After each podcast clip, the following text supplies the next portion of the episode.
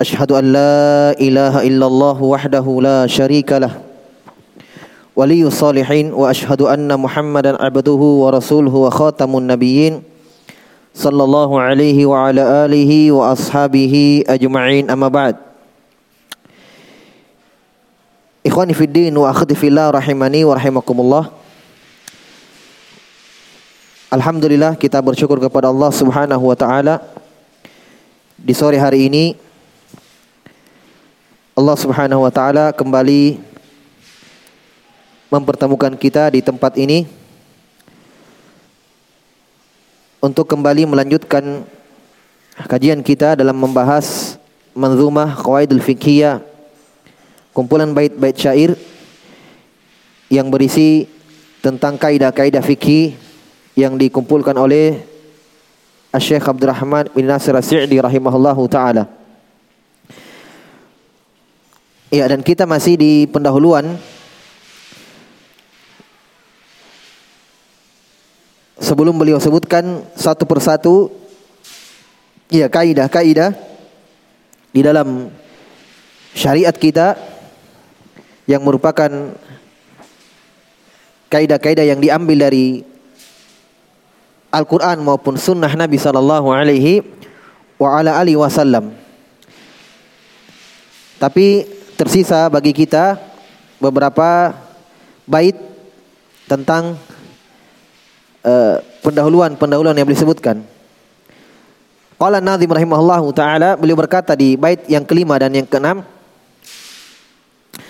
kata beliau rahimahullah taala i'lam hudita anna afdalal minan ilmun yuzilu syakka anka wad daran wa yakshiful haqqa lidhil qulubi wa yusilul abda ilal matlubi. Beliau berkata di bait yang kelima dan keenam Ketahuilah hudita afdal anna afdalal minan. Semoga kalian diberi hidayah bahwa ya ini yang wajib diketahui afdalal minan bahwa sebaik-baik anugerah seafdal afdal anugerah minan. Jamak dari minnah ya anugerah. Dalam Al-Qur'an qad mannallahu 'alal mu'minin id ba'atsa fihim rasulan min anfusihim. Kata Allah Allah Subhanahu wa taala telah memberikan minnah anugerah kepada orang-orang yang beriman ketika Allah mengutus kepada mereka seorang rasul. Nah, jamak dari minnah, bentuk jamaknya minanun. Ya, minanun. Kalau satu anugerah minnatun. Banyak anugerah uh, minanun. Nah, ini minan. Hanya disukun karena untuk menyesuaikan kofiyah. Ya, menyesuaikan akhir dari huruf syair-syair agar menyesuaikan. Kata beliau ketahuilah semoga Allah memberikan hidayah bahwa anna afdalal minan seafdal afdal pemberian sebaik-baik anugerah dari Allah Subhanahu wa taala adalah ilmun ilmu agama yuzilu syakka anka daron yang dengan ilmu tersebut menghilangkan darimu keraguan syakka Iya. Angka darimu. Iya. Jadi yuzilu asalnya susunannya begini, yuzilu angka syakka. Syak arti keraguan.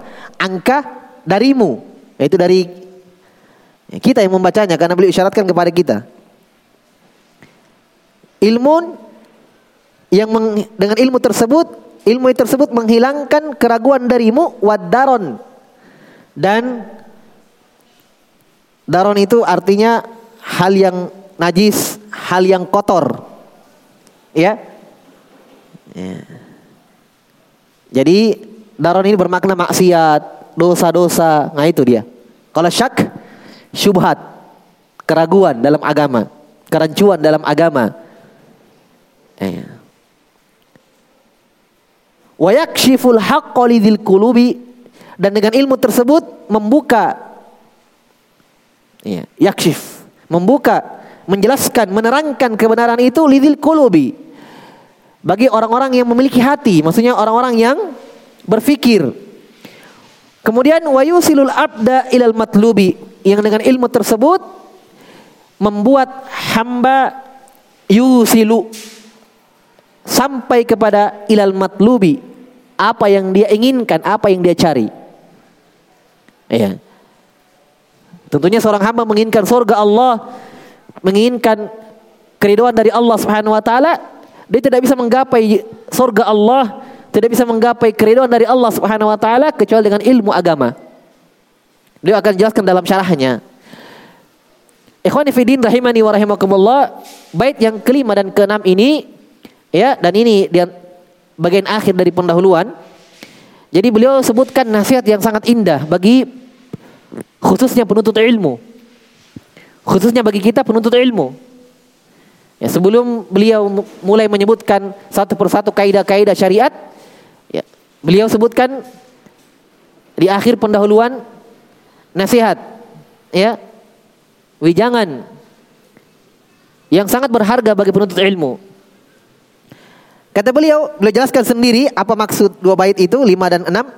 Yakni maksudnya anna minanallahi alal ibad. Saya baca pelan ya supaya yang bisa yang punya buku bisa ikuti uh, harokatnya ya, artinya kata per kata. Kata beliau yakni Maksudnya adalah anna minanallahi 'alal ibadi katsiratun bahwa anugerah-anugerah Allah, pemberian-pemberian Allah, hibah dari Allah, pemberian dari Allah itu banyak. Banyak sekali. Dan ini difahami ya oleh orang-orang yang berakal.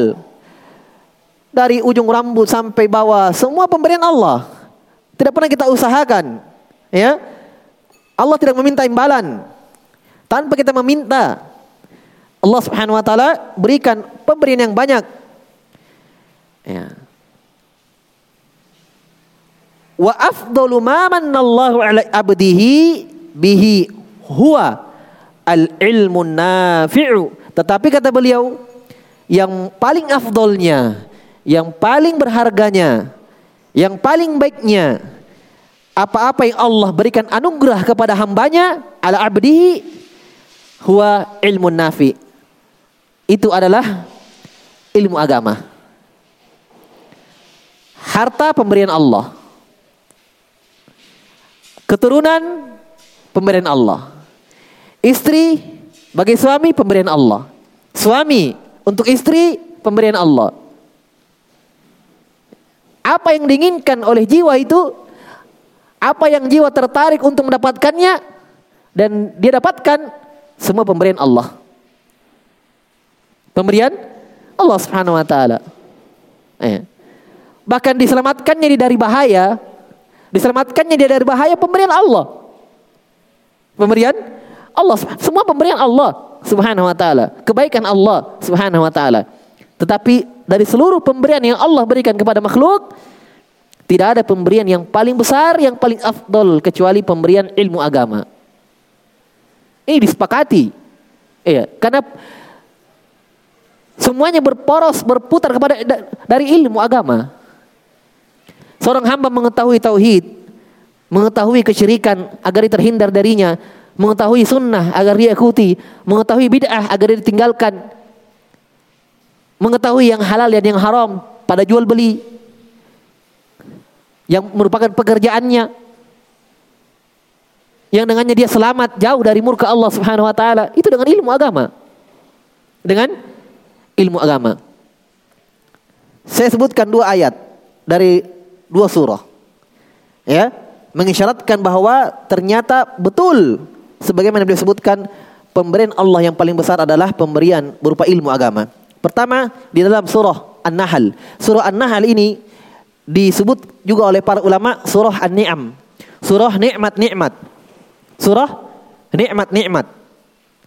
Di dalam surah An-Nahl ini Allah Subhanahu wa taala sebutkan firman-Nya, "Wa ma bikum min ni'matin faminallah."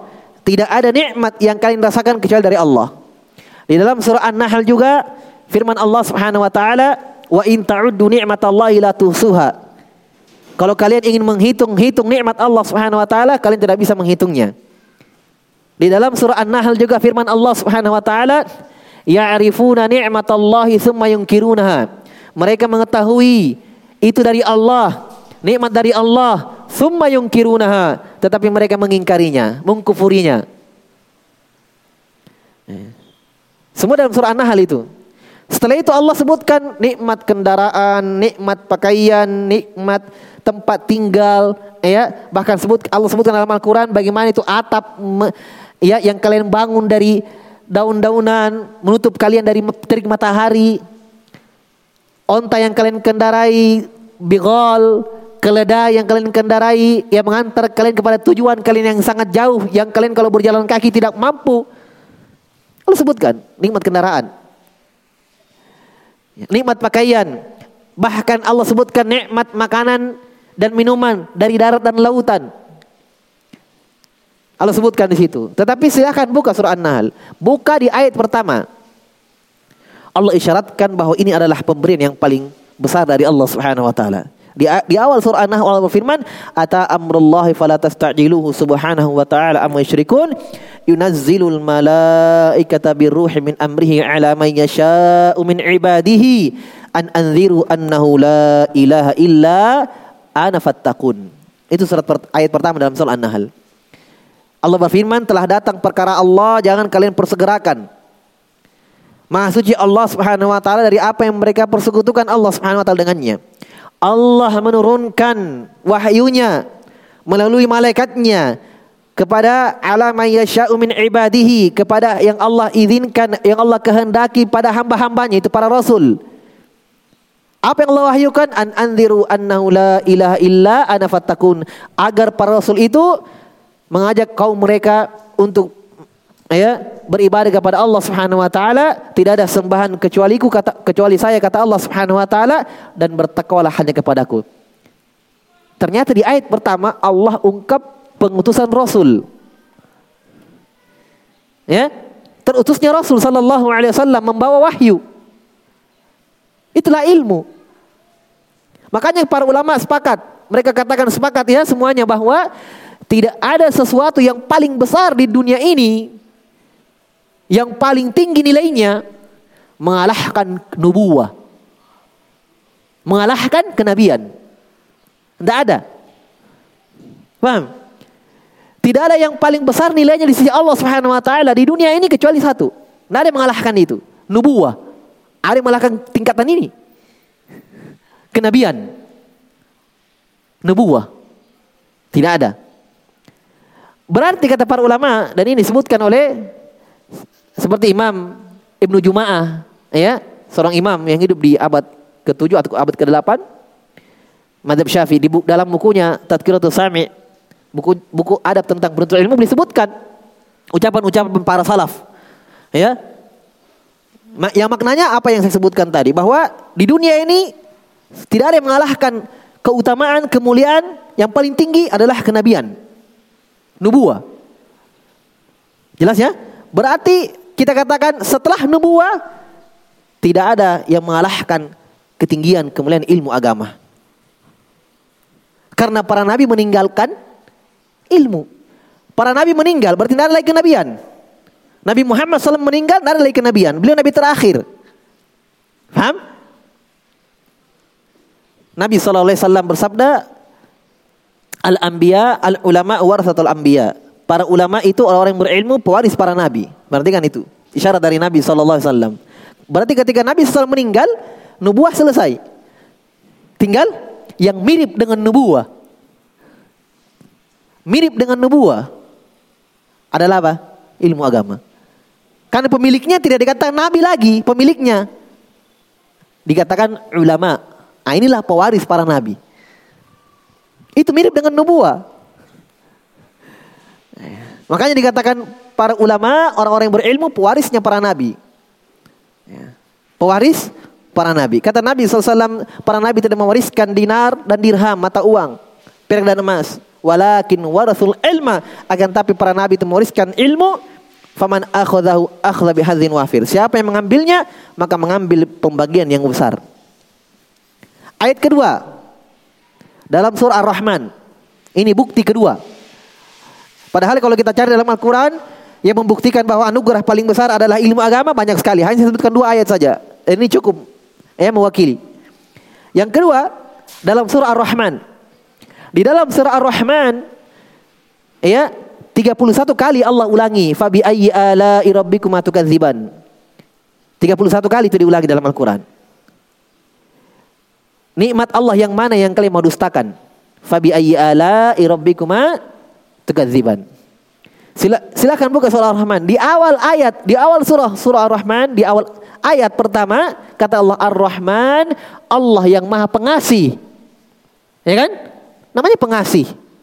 Ya. Ar-Rahman, penyayang. Berarti di antara bentuk kasih Allah memberi, memberi, memberi. Ya kan begitu? Memberikan kesehatan, memberikan penjagaan, memberikan apa yang diinginkan oleh hambanya sebelum hambanya meminta. Ya kan? Itu di antara bentuk rahmat Allah subhanahu wa ta'ala. Di ayat kedua kata Allah Ar-Rahman, Allamal Quran. Allah yang maha pengasih mengajarkan Al-Quran. Setelah itu baru Allah ungkap nikmat-nikmatnya baru Allah ulangi lagi fabi ayyi ala rabbikum atukadziban. Fabi ayyi ala rabbikum atukadziban. Di awal ayat kata di awal surah kata Allah Subhanahu wa taala Ar-Rahman 'allamal Qur'an. Allah yang Maha Pengasih mengajarkan Al-Qur'an. Ya? Berarti bentuk kasih sayang Allah yang paling besar kepada seorang hamba ketika Allah ajarkan dia ilmu agama. Ya? Kurang apa itu ayat? Jelas sekali. Ya. Berarti kita lihat diri kita ikhwan. Ya. Ketika semangat mau belajar, mau istiqomah untuk belajar, tergerak hati kita untuk belajar. Subhanallah. Ini kalau orang sadar betul. Berarti Allah itu sayangi dia. Ya kan begitu? Buktinya juga banyak yang, Allah tidak berikan seperti itu. Banyak orang masa bodoh saja, tidak mau mengenal, tidak mau mengangkat kepala mereka untuk mau belajar, mempelajari Al-Quran, hadith-hadith Nabi SAW, dibiarkan. Man bi khairin faqih. Itu jelas. Siapa yang Allah inginkan bikin kebaikan, Allah fakihkan dia. Allah fahamkan di dalam ilmu agama. Ada juga orang yang belajar hanya beberapa bulan. Ya kan? Mundur setelah itu hilang, tidak tahu entah ke mana. Ya. Tapi ketika Allah subhanahu wa ta'ala istiqomahkan dia, kokohkan dia di atas ilmu agama, terus menerus belajar sampai mati. Luar biasa kasih sayang Allah kepada dia. Betul Allah betul-betul Allah inginkan dia baik. Allah sayangi dia. Ya. Nah banyak-banyak orang dan ini tabiat manusia. Banyak-banyak orang menilai kasih sayang Allah berupa apa? Hah? Pemberian dunia. Wa ammal insanu idza wa ammal insanu adapun manusia idza batalahu rabbuhu fa akramahu wa na'amahu fayaqulu rabbi akroman. Coba, itu manusia. Adapun manusia kata Allah Subhanahu wa taala, "Idza mabtalahu rabbuhu fa akramahu wa na'amahu fayaqulu rabbi akroman." Kata Allah manusia, kalau Allah bala mereka, padahal nyata-nyatanya Allah katakan di awal ayat bentuk bala. Ketika Kata Allah Subhanahu wa taala manusia ketika Allah uji dia bala bentuk bala. Dengan apa? Fa akramah diberikan pemberian-pemberian. Mungkin rezekinya banyak, ini banyak diberikan. Wa na'amah. Nah, perhatikan, wa na'amah diberikan nikmat-nikmat yang dianggap nikmat apa? Kendaraan, rumah, apa? Keturunan. Yang manusia anggap ini pemberian nikmat betul. Apa dia katakan? Ketika sudah diberi, diberi, diberi, manusia mengatakan fayaqulu rabbi akroman. Dia akan mengatakan ini manusia kata Allah. Manusia akan mengatakan Allah memuliakanku. Ini manusia ini. Ya. Jadi bentuk kemuliaan Allah kepada dia, bentuk pemuliaan Allah kepada dia, tabiat manusia menilai dengan diberi, diberi, diberi, diberi pemberian, pemberian, pemberian. Apa yang diinginkan dari dunia? Kalau hanya sekedar menilai itu adalah kemuliaan, kebahagiaan, Berarti Fir'aun bahagia. Korun lagi diberikan harta bahagia. Tapi apakah mereka bahagia dengan itu? Dengan pemberian itu? Ya, justru itu menjadi balak mereka bencana untuk mereka. Diberikan apa yang apa yang dipunyai Firaun. Dia raja, harta juga dia punya. Istri dia punya. Kekuasaan dia punya. Tapi itu tidak menjamin kebahagiaan, ikhwan. Tapi ilmu agama menjamin kebahagiaan dunia dan akhirat ilmu agama, menjamin kebahagiaan. Coba mana buktinya? Kalau ditanya mana buktinya Ustadz? Lihat orang yang sudah meninggal, yang sudah terbukti betul, yang diberikan pemahaman ilmu agama.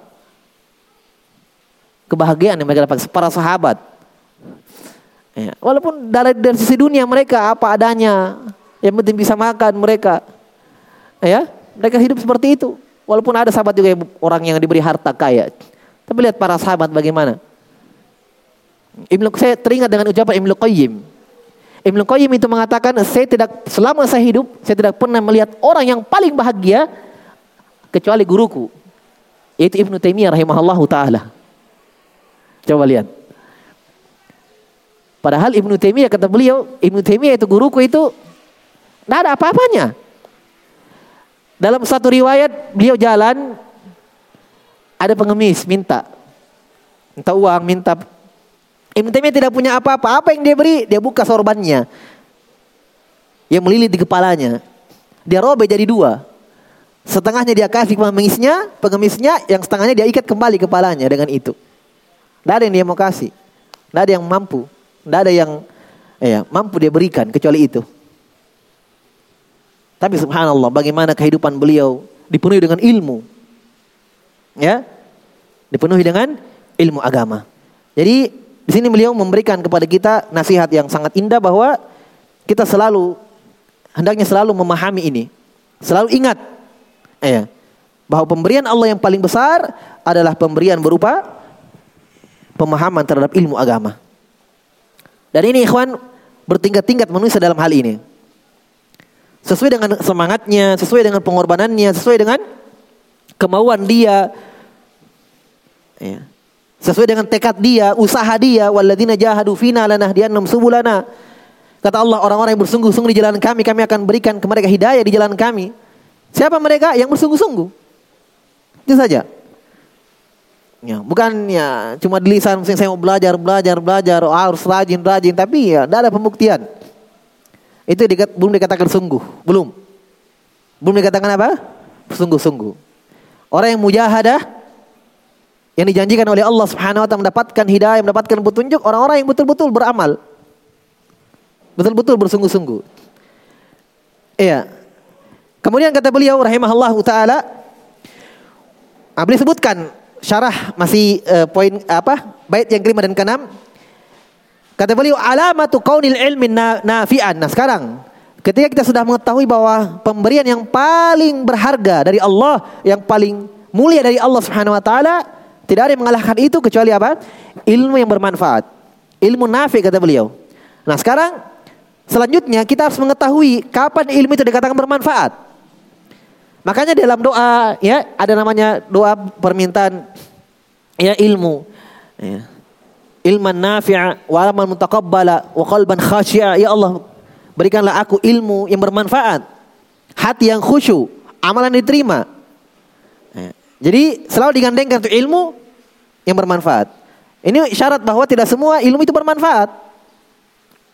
Paham ya? Tidak semua ilmu bermanfaat di sisi pemiliknya. Kalau ilmu semua manfaat itu ilmu. Ilmu itu manfaat, kebaikan. Hanya pada pemiliknya tidak semua bermanfaat untuk pemiliknya. Jadi yang yang aib bukan ilmunya. Faham maksudnya? Jadi jangan memahami oh berarti ada ilmu yang tidak bermanfaat. Semua ilmu manfaat. Bermanfaat di sisi pemiliknya. Nah kalau ini ya. Padahal dia banyak ilmunya. Banyak haditnya dah hafal. Banyak hafal Qur'annya. 30 juz. Mungkin hafal ratusan bahkan ribuan hadit. Itu ilmu semua. Tapi di sisi pemilik itu. Bermanfaat untuk dia atau tidak? Ah ini. Ada yang bermanfaat, ada yang tidak. Paham? Paham ya? Jadi kata beliau bermanfaat alamat kaunil ilmi nafi'an tanda ilmu itu bermanfaat ma dzakartu minan nazami. Apa yang saya sebutkan di atas dalam syair. Yaitu di bait yang keenam. Ya. Di bait yang pertama juga ilmu yuzilu syakka anka wadaron dan di bawahnya. Itu beliau beliau memberikan dua tanda. Ilmu itu dikatakan bermanfaat bagi pemiliknya. Bermanfaat bagi pemiliknya. Yaitu apa? Apa yang disebutkan di atas bait syair tersebut. Yaitu annahu yuzilu anil qalbi syai'aini wahuma syubhatu wasyahawatu. Yaitu yang saya syaratkan pada bait di atas, ilmu itu dikatakan bermanfaat ketika yuzilu.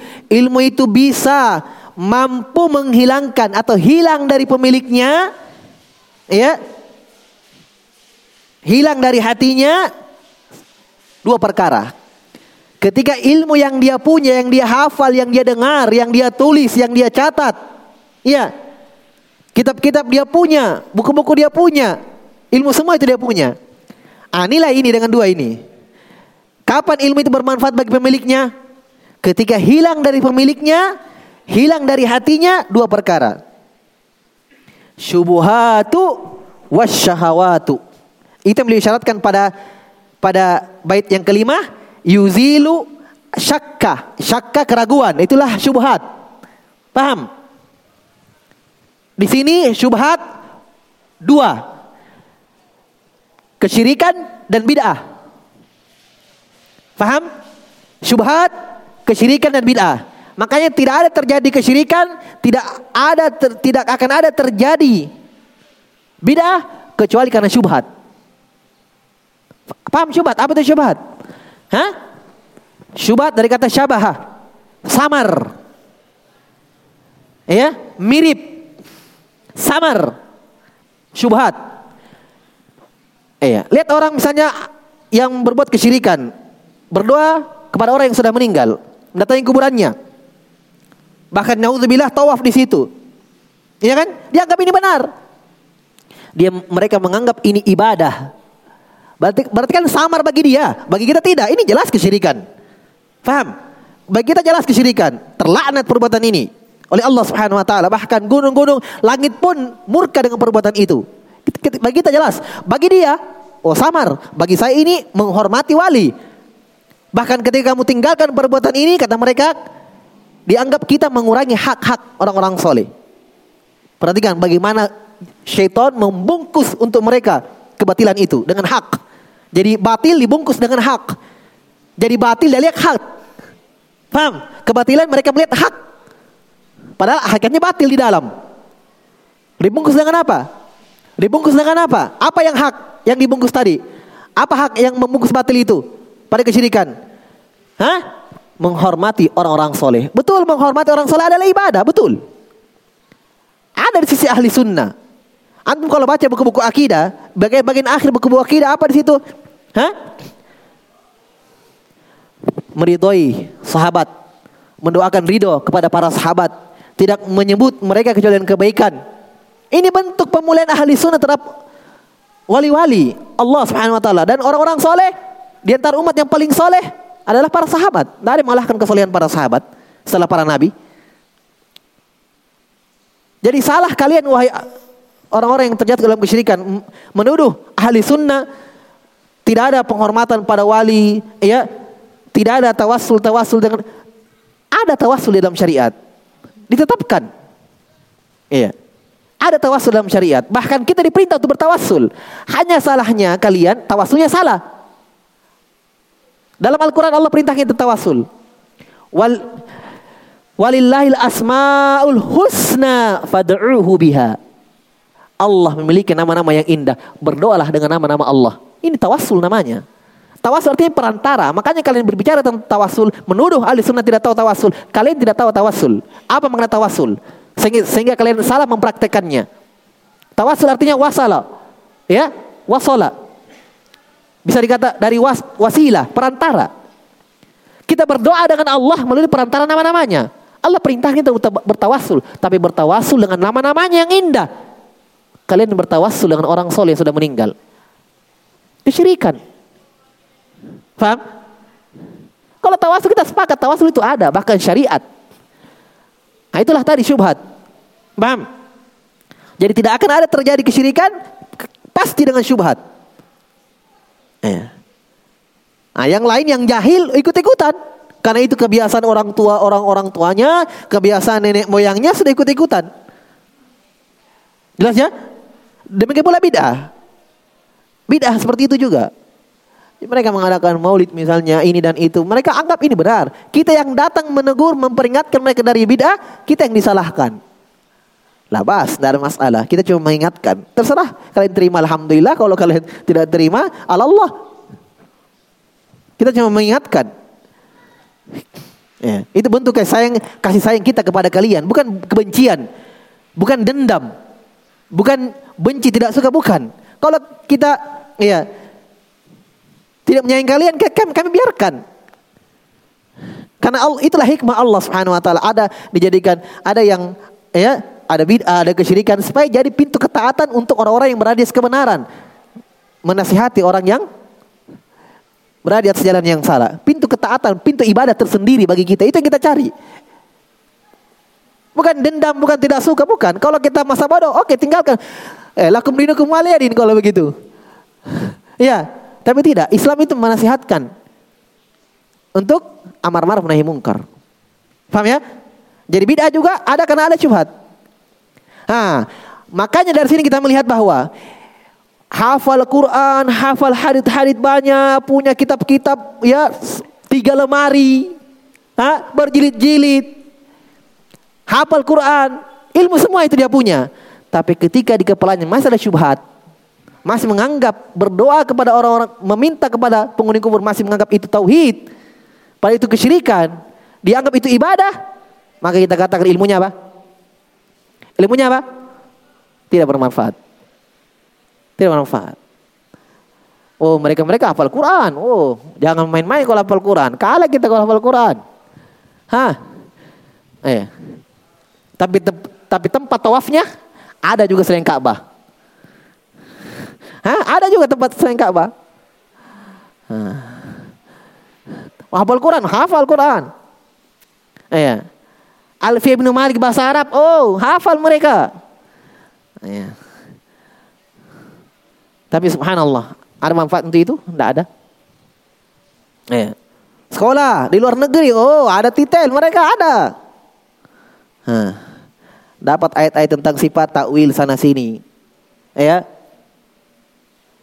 dan seterusnya dari syubhat-syubhat yang mereka punya. Jadi ini ini ilmu penting. Jadi ilmu bermanfaat bagi pemiliknya ketika hilang dari dia syubhat. Hilang dari dia apa? Syubhat. Yang kedua syahwat. Ya ini yang beliau bahasakan dalam bait ad-daron. Daron. Ya lihat bukunya. Daron. Daron itu hal yang kotor, najis, menjijikkan itu makna daron. Yang beliau maksudkan daron di situ dalam bait adalah syahwat. Syahwat. Iya, jadi syakka tadi keraguan dalam bait syakka itu apa? Syuh? Syubhat, wad daron, daron itu apa? Syahwat. Nah, ini maksiat di sini. Jadi syubhat dan syahwat, syubhat ini bid'ah uh, syirik dan bid'ah, syahwat maksiat. Jadi pegang kaidahnya bahwa tidak ada dosa yang terjadi kecuali dari dua sumbernya. Kalau bukan syahwat, kalau bukan syubhat syahwat. Lihat saja. Pembunuhan syahwat. Apa? Perzinahan, oh syahwat. Iya. Kesyirikan, syubhat. Bid'ah, syubhat. Ini lebih besar daripada maksiat. Ya. Iblis lebih suka ini. Makanya iblis itu dari syubhat dulu. Dia serang orang. Syubhat, syubhat, syubhat. Ya. Tidak peduli mereka iblis. Biar kau ahli ibadah. Yang penting kalau, kalau kena syubhat selesai. Ya. Lebih mending ahli, lebih, lebih mending ya bukan bagus tapi lebih mending pelaku maksiat. Mereka tahu ini dosa, tapi lemahnya iman saya belum bisa tinggalkan itu. Tapi kalau syubhat, wah jangan coba-coba. Ditegur, marah, dianggap ini benar. Ya kan begitu? Nabi bersabda, Inna Allah ihtajabat taubah an sahibi bid'atin hatta yada'aha. Hadis sahih disahihkan oleh Syekh Albani. Kata Nabi SAW, Allah menutup pintu taubat untuk ahlul bidah pelaku bid'ah sampai mereka meninggalkan bid'ahnya. Bukan berarti kalau mereka bertobat tidak diterima, bukan. Tetapi sulit-sulit untuk tobat. Seakan-akan Nabi membahasakan seakan-akan tertutup sudah. Ya. Makanya kalau kepala maksiat, ya, masih lebih banyak yang lihat saja yang hijrah yang bertaubat kan rata-rata pemaksiat. Kan begitu kan? Ya. Tapi subhanallah lebih, lebih mengerikan dari pelaku maksiat, hijrah, taubat, danggap dirinya taubat, masuk ke syubhat. Dari syahwat masuk syubhat. Bah. Luar biasa yang ini, sulit. Dari syubhat, dari syahwat masuk ke syubhat. Dari pola, ya dari ini dulu misalnya ya pemusik atau ini dan seperti itu dan seterusnya anggap dirinya sudah di atas jalan pindah ke syubhat. Jelas ya? Syaitan lebih suka itu. Taib.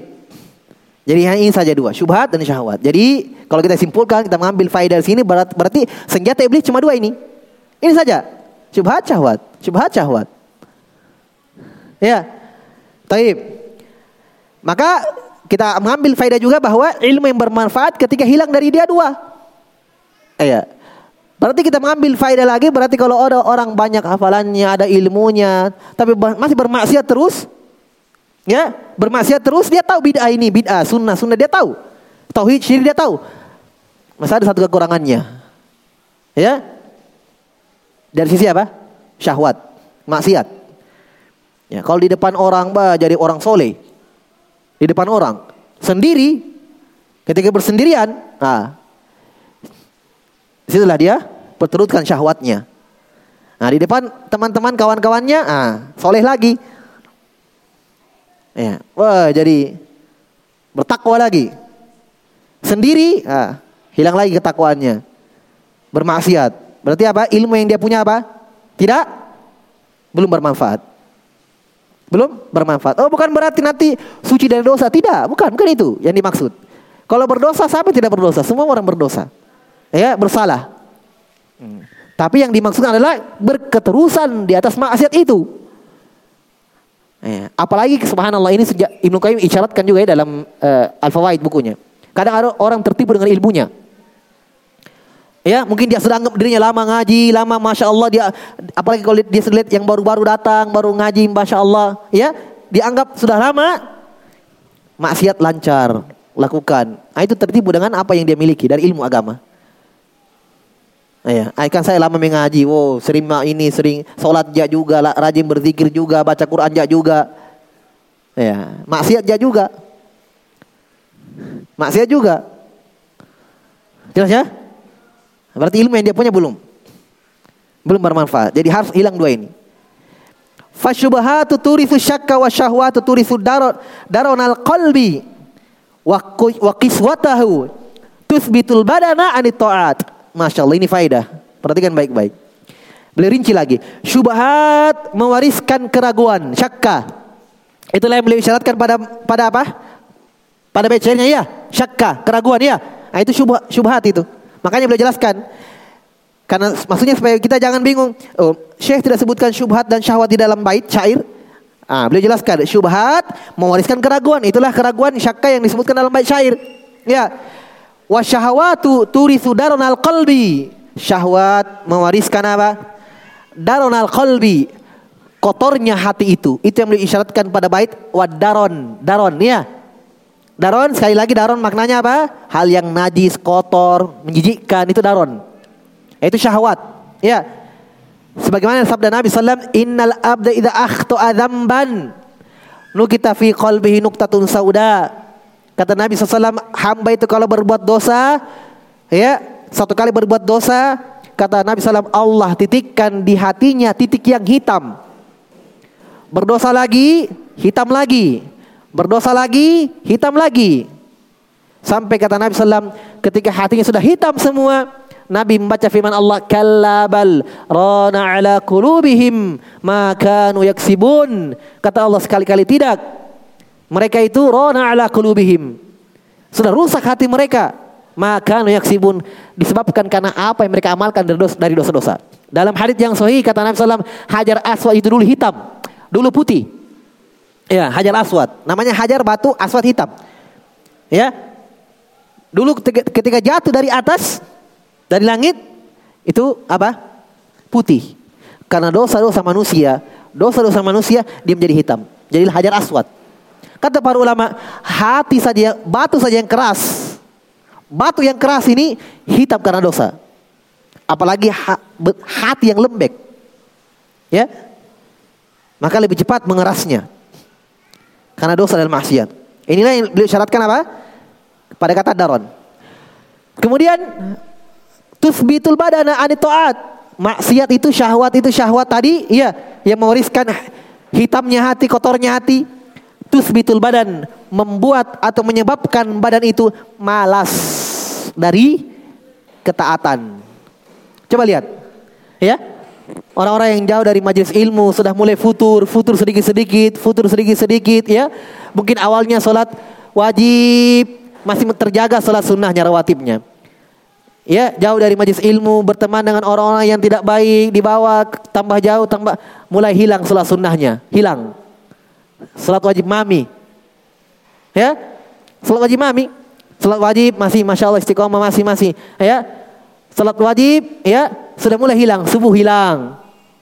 Ya, maghrib isya mami. Lama-lama sudah tinggalkan semua. Itu pengaruh dan dampak dari maksiat. Sebagaimana saya katakan, terus bitul badan membuat badan itu berat, malas melakukan melakukan apa? Ketaatan. Itu dampak dari maksiat. Ah, berarti kita mengambil faedah di sini, kawan, bahwa kalau mau semangat beramal, ya, Makanya kata para ulama di antara tanda kebaikan dari amalan itu ketika kita sudah melakukan amalan yang satu, kita semangat melakukan amalan setelah itu yang selanjutnya. Itu tanda kebaikan dari amalan kita. Fa idza faragta fan fa idza faragta fan fansob. Kata Allah, kalau kamu wahai Muhammad selesai melakukan satu amalan, fangsob, bangkit melakukan amalan yang lain lagi. Ya. Jadi kalau kita selesai melakukan amalan satu amalan, kita semangat untuk selanjutnya lakukan yang lain lagi, itu tanda baik. Ya. Jelas ya? Kemudian yang kedua, dari sini kita mengambil faidah bahwa kalau kita mau kita rasakan nikmatnya iman, lezatnya keimanan, lezatnya nikmatnya amalan soleh itu, iya, jauhi maksiat. Karena kata beliau maksiat menyebabkan malas dalam beramal. Berarti kalau mau semangat dalam beramal, tinggalkan maksiat. Coba lihat bagaimana Nabi SAW para sahabatnya amalan itu di sisi mereka. Ya, kata Nabi SAW, saya jadikan ya salat itu kurratu ain. Saya jadikan salat itu penyejuk mataku, kata Nabi SAW. Ketika diperintahkan Bilal untuk adzan, kata Nabi SAW, ya Bilal, arih Nabi salat. Wahai Bilal, tenangkan aku dengan salat, adzan. Ya, beda dengan kita ya kan, kadang kita mungkin masih mau beraktivitas, masih tiba-tiba adzan, wih, nah deras cepatnya waktu di adzan nih. Hey. Kalau mereka memang menanti sholat. Tenangkan kami dengan wahai Bilal, tenangkan kami dengan sholatmu, dengan adhanmu. Ayo sholat lagi. Kalau kita lain, kita mau ibadah itu nanti nanti saja deh lama-lama. Oh masih masih begini masih. Eh. Kadang tidak sengaja terucap ya. Kadang ih cepat nyari adhan mi. Maunya mau apa? Sebentar pi. Eh? Itu beda kita dengan mereka. Ya, beda kita dengan mereka. Mereka mencintai amalan, amalan soleh. Lezat di sisi mereka. Mengalahkan makanan masuk. Ya, amalan kebaikan. Fa'alamatul ilmi nafi annahu yuzilu hadain maradain al-azimain. Saya katakan, maka tanda ilmu yang bermanfaat bagi pemiliknya ketika yuzilu hadain maradain al-azimain. Ketika hilang dari dia maradain, dua penyakit ini yang azimain, dua penyakit yang besar ini. Apa tadi? Syubhat dan syubhat dan syahwat. Wa yajlibu lil abdi fi maqabalatihi ma syai'ain. Masya Allah. Dan tanda yang bermanfaat kita mengambil pemahaman kebalikannya. Ya, pemahaman kebalikannya kita ambil. Ketika Syekh katakan tanda ilmu yang bermanfaat itu adalah hilang dari dia syahwat, syubhat dan syahwat, berarti kita mengambil faedah juga kata Syekh, tanda ilmu bermanfaat ketika dia dapatkan dua lawan dari syubhat dan syahwat. Paham? Bisa dipahami? Ya. Berarti kalau ilmu yang bermanfaat tandanya adalah ketika hilang dari dia syubhat dan syahwat dan dia dapatkan lawannya. Ya. Dia dapatkan lawan dari syubhat itu keyakinan. Dia jelaskan. Ya.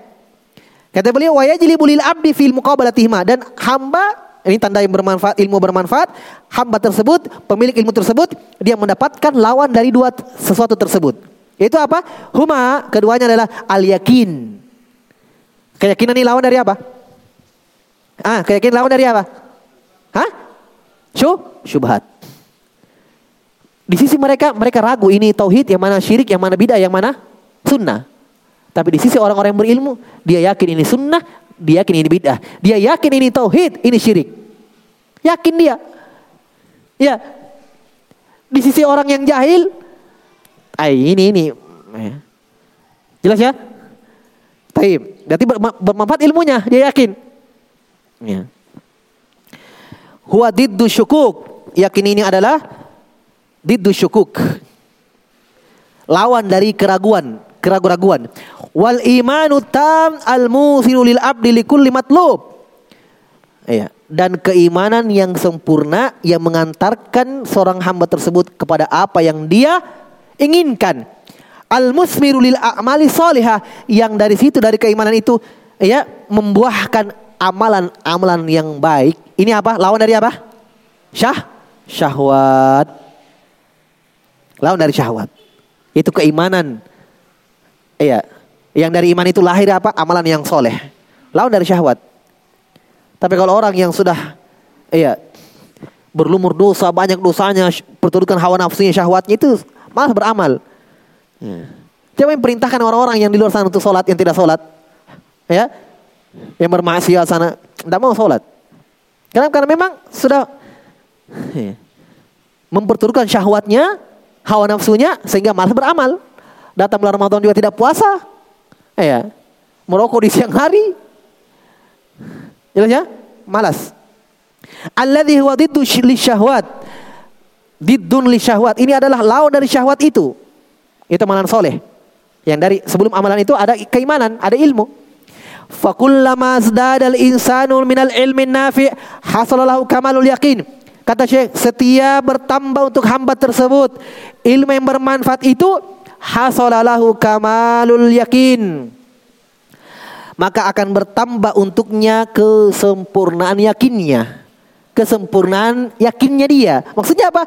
Semakin dia belajar belajar belajar semakin dia yakin ini sunnah ini tauhid ini syirik ini bid'ah. Yakin dia. Semakin dia belajar semakin yakin. Bukan semakin belajar belajar semakin ragu. Wah ini bahaya ini berarti di mana kau belajar? Ya kan?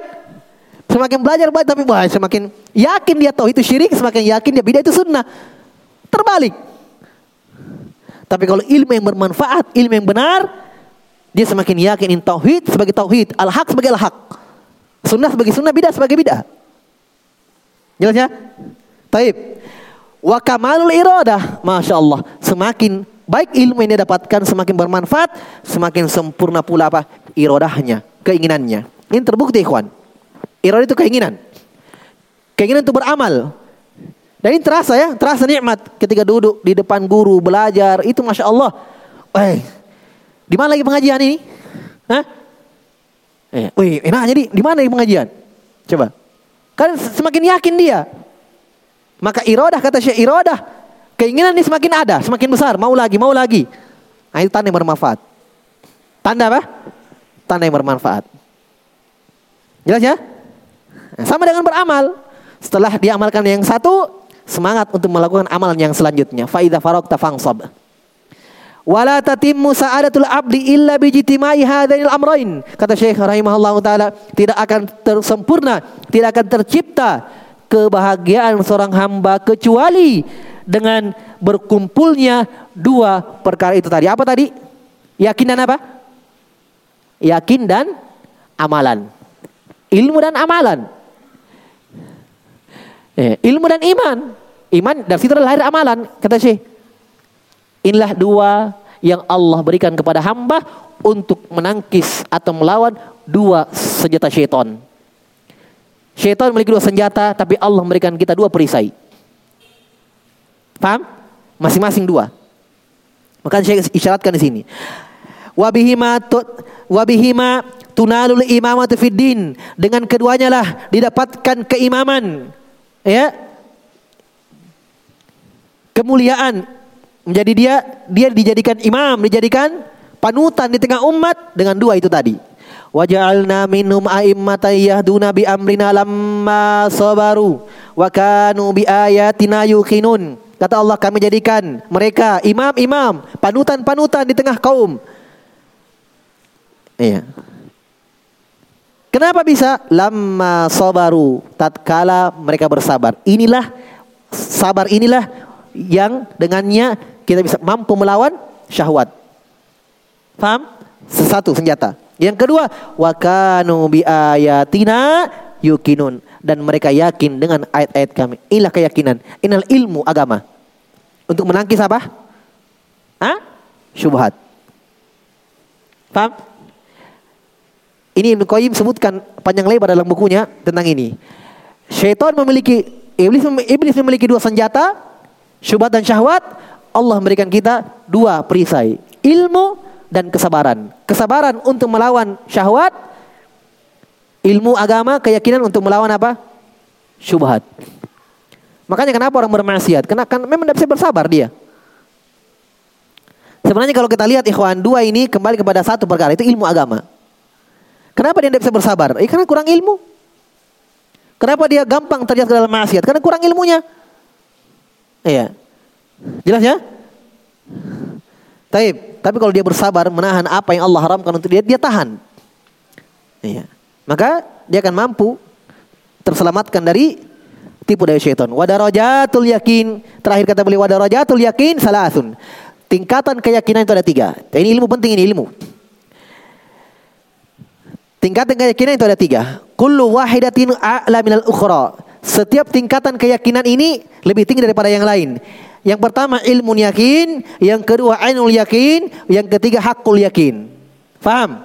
Yang pertama ilmu yakin. Ilmu yakin ini tentang keyakinan kita dengan sorga dan neraka. Sekarang saya tanya di sini, semua yakin dengan sorga dan neraka?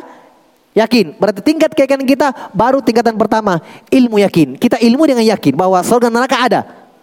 Paham? Kita, kita, kita, sudah lihat surga neraka, lihat, boy, ternyata betul, ya. Maka naik tingkatan keyakinan menjadi ainul yakin. Paham? Ketika kita masuk dan merasakannya, oh nikmatnya surga, baru menjadi tingkatan ketiga, hakul yakin. Paham? Ya? Jelas ya? Taib. Ketika saya contohkan, kita tahu yakin bahwa dipukul itu sakit. Ya, ilmu yakin. Kita lihat orang dipukul, oh sakit. Ah, ainul yakin. Kita dipukul juga, ah, hakul yakin. Paham ya? Itu tingkatan keyakinan. Kata beliau ilmu yakin ka ilmi al-an fil jannah wan nar. Ilmu yakin contohnya seperti keyakinan kita terhadap surga dan neraka sekarang.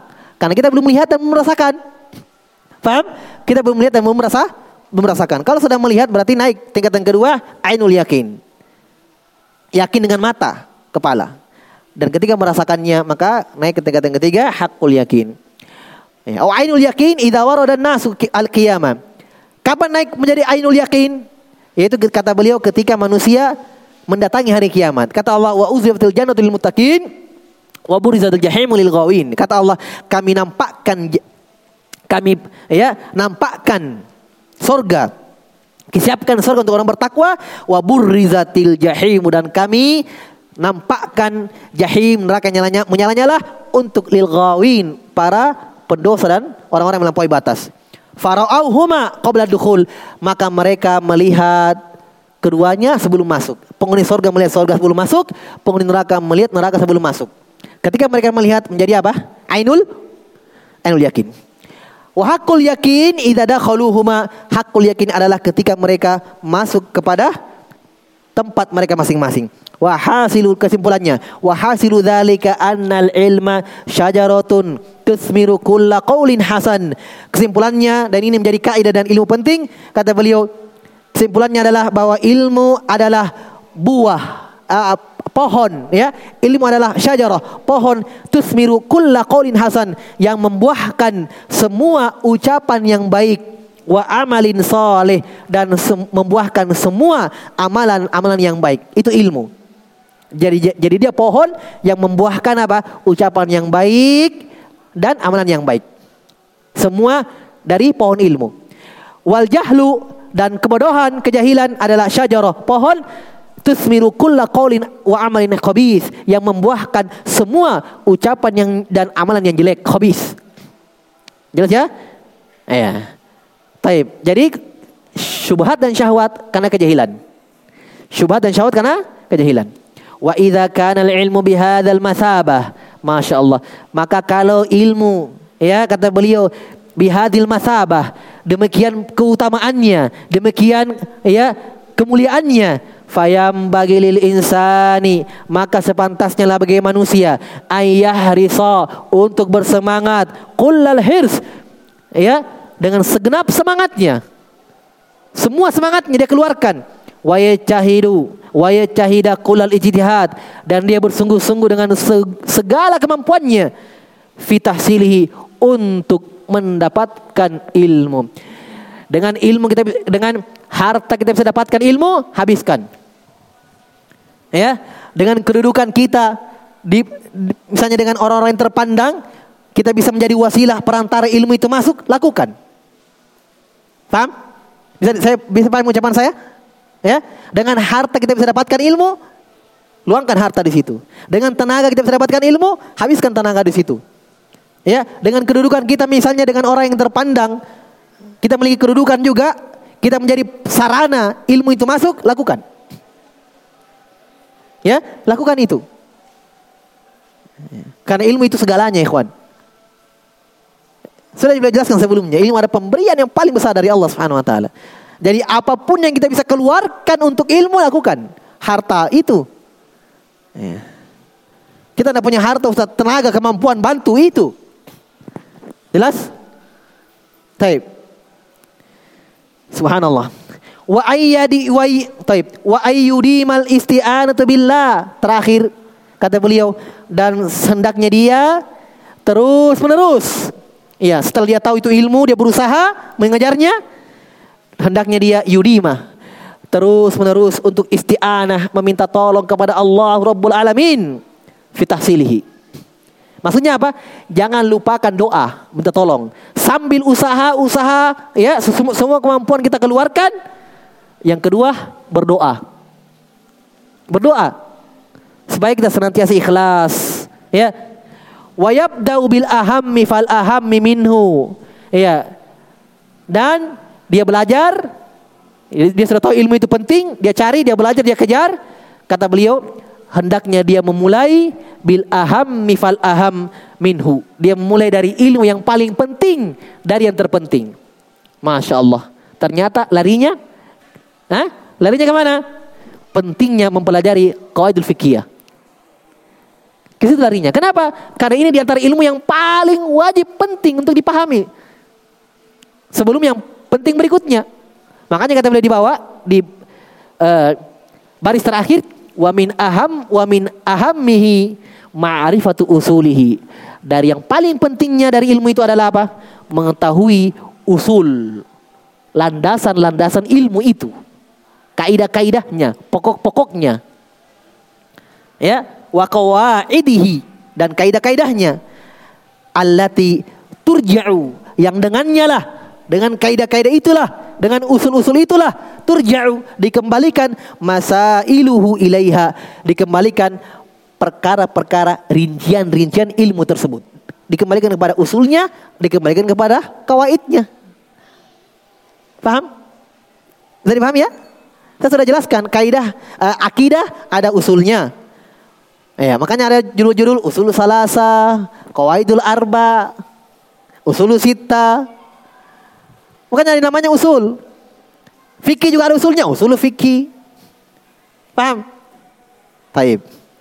Falihada kultu oleh karena itu dengan ilah saya katakan baik setelahnya ya masih ada ya 5 menit supaya pekan depan insyaallah kita masuk pada bait kaidah. Kata beliau fahris ala fahmi kalil qawaidi jami'atil masaili syawaridi. Kata beliau oleh karena itu saya katakan di bait ke-7, ke-8, 9 dan 10 kata beliau semangatlah ala fahmi kalil qawaidi untuk kamu memahami kaidah-kaidah ini jami'atil masaili syawaridi yang kaidah ini mengumpulkan masalah-masalah pembahasan-pembahasan asyawaridi cabang-cabangnya litartaki fil ilmi khaira murtaqa agar engkau kata beliau naik mulia pada ilmu tersebut khairu murtaqa. Kamu mendapatkan kedudukan yang sepantasnya. Makanya ada orang kadang ya kadang ilmunya ya sudah lama belajar tapi ya masih pemahamannya masih begitu-begitu saja. Kenapa? Karena mungkin metode belajarnya keliru, tidak mulai dari yang dasar. Paham? Nah, ini maksudnya litar taki fil ilmi khair murtaqo agar engkau terangkat ya mulia dengan sebaik-baik kemuliaan. Belajar dengan cara yang tepat, metode yang tepat. Watak Watak tafi subulalladzi qad dan dengan itulah kamu mempelajari usulnya, kamu pelajari kaidahnya apa? Dengan itu kamu telah menempuh jalannya orang-orang yang telah diberi taufik, jalannya para rasul. Kan begitu juga para rasul ketika berdakwah kan? Nabi juga diajar oleh Jibril turun satu persatu ayat. Kan begitu kan?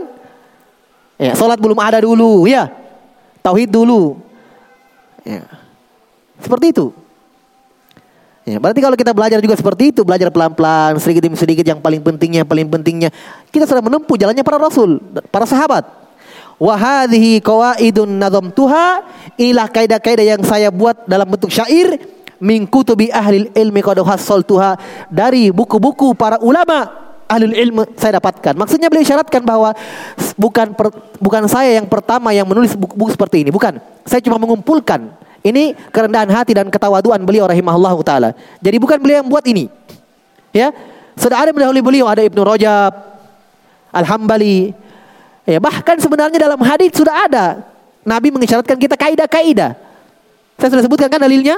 Seperti ketika orang Arab kencing orang Arab Badui kencing di masjid. Itu kan Nabi pakai kaidah di situ. Hanya para ulama yang datang setelahnya membahasakan dengan bahasa yang mudah agar kita yang datang setelahnya lagi memudahkan kita mempelajarinya. Nah, dibuatkanlah istilah yang pendek. Al-masyaqqatu tajil butaisir. Ya. Ya. Al-umur bimaqasidiha. Dimudahkan bahasanya, diringkas. Nah, kata beliau, saya juga hanya mengumpulkan dari buku-buku ulama. Jazahumul maula azimal ajri. Semoga Allah membalas mereka para ulama dengan balasan yang besar. Wal afwa ma'gufroni wal birri. Semoga Allah memaafkan mereka dan Allah ampuni mereka ya dan berikan mereka kebaikan-kebaikan. Wahad kata beliau di bawahnya wahadil li anna ma'rifat ma'rifat al-qawaid min aqwal asbab litashilil ilmi wa fahmihi wa hifdhihi li li jam'ihal masaili ya al mutafarriqati bi kalamin jami karena kata beliau dengan mempelajari kaidah-kaidah ini ya adalah bentuk sebab yang paling kuat memudahkan ilmu itu masuk ke dalam hati seorang hamba, memudahkan bermanfaatnya ilmu itu bagi dia. Ketika dia pelajari dari awal pelan-pelan dasarnya dulu yang pentingnya dulu ya. Mudah memahaminya, mudah menghafalkannya. Kenapa? Li jam'ihil masail karena dengan kaidah yang ringkas, bahasa yang ringkas mengumpulkan masalah-masalah yang terpisah-pisah dalam masalah bertoharo, dalam masalah sholat, dalam masalah talak, dalam masalah nikah, dalam masalah jual beli hanya dengan satu kaidah terkumpul semua masalah-masalah dengan kalam ucapan yang ringkas. Jelas ya? Taib. Wallahu a'lam bishawab. Kita cukupkan dulu. Insyaallah taala pekan depan kita sudah mulai masuk menyebutkan satu persatu kaidah-kaidah yang beliau akan sebutkan wallahu a'lam bishawab. Subhanakallahumma bihamdik asyhadu an la ilaha illa anta astaghfiruka wa atubu ilaik. Wa akhiru da'wana alhamdulillahi rabbil alamin.